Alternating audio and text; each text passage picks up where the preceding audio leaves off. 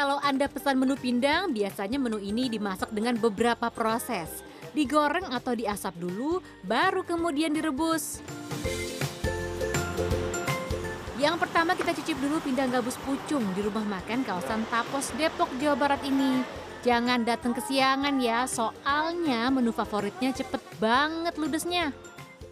Makanan langka yang susah ya. Kalau gabus kalau hari Sabtu Minggu itu 40 kilo habis. Paru biasa paling 30 minimal 25. Se seadanya ikannya aja. Bumbu utama pindang gabus pucung ini adalah kluwek. Sama dengan bumbunya rawon, tapi ditambahkan rempah lainnya seperti lengkuas, kunyit, jahe, daun salam, daun serai, daun jeruk, ketumbar, merica, cabai, dan bawang. Pertama goreng dulu ikan gabusnya yang sudah dibumbui. Baru masukkan ke dalam panci yang berisi kuah pucung ini.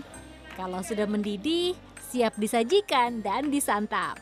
Halo, oke terima kasih. Wah ini saya belum lepas masker aja, wangi dan aroma dari gabus pucung atau si pindangnya ini aja udah merangsek langsung ke dalam hidung saya. Nah, karena sekarang saya makannya di luar, nggak di rumah, saya memutuskan untuk makan di dalam mobil supaya lebih aman dan menghindari kerumunan.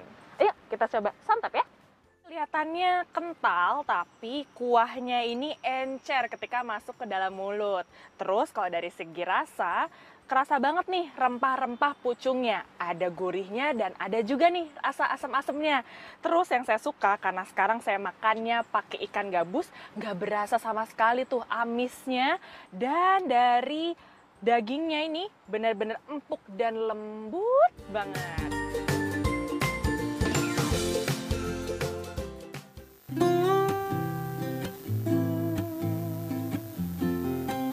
Selain ikan, ada juga nih pindang kaki sapi dan pindang ayam menu di rumah makan Haja Aliyah kawasan Cipete Utara, Jakarta Selatan. Kalau mau cicip, disarankan untuk pesan beberapa hari sebelumnya nih. Soalnya sering banget kehabisan. Waduh, Lama kalau dia sehari sebelumnya harus pesan kalau kaki. Nggak bisa dadakan gitu. Kuah pindang di tempat ini dimasak dengan bumbu lengkap mulai dari laos, jahe, kunyit, serai, daun salam, cabai merah, ketumbar, dan merica sehingga menghasilkan warna kuning kecoklatan. Bumbu dihaluskan lalu dioseng dan ditambahkan air. Setelah mendidih masukkan asam jawa bersama isian pilihannya. Bisa kaki sapi atau bisa juga ayam kampung.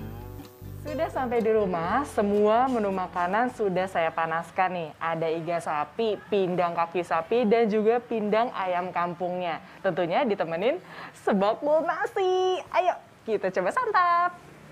Biasanya kalau makan ayam kampung itu suka deg-degan gitu, takut kalau daging ayamnya ini alot. Tapi kalau di sini dagingnya benar-benar lembut banget. Nah, buat pindang kaki sapinya, ini benar-benar rasanya itu padu padannya enak banget.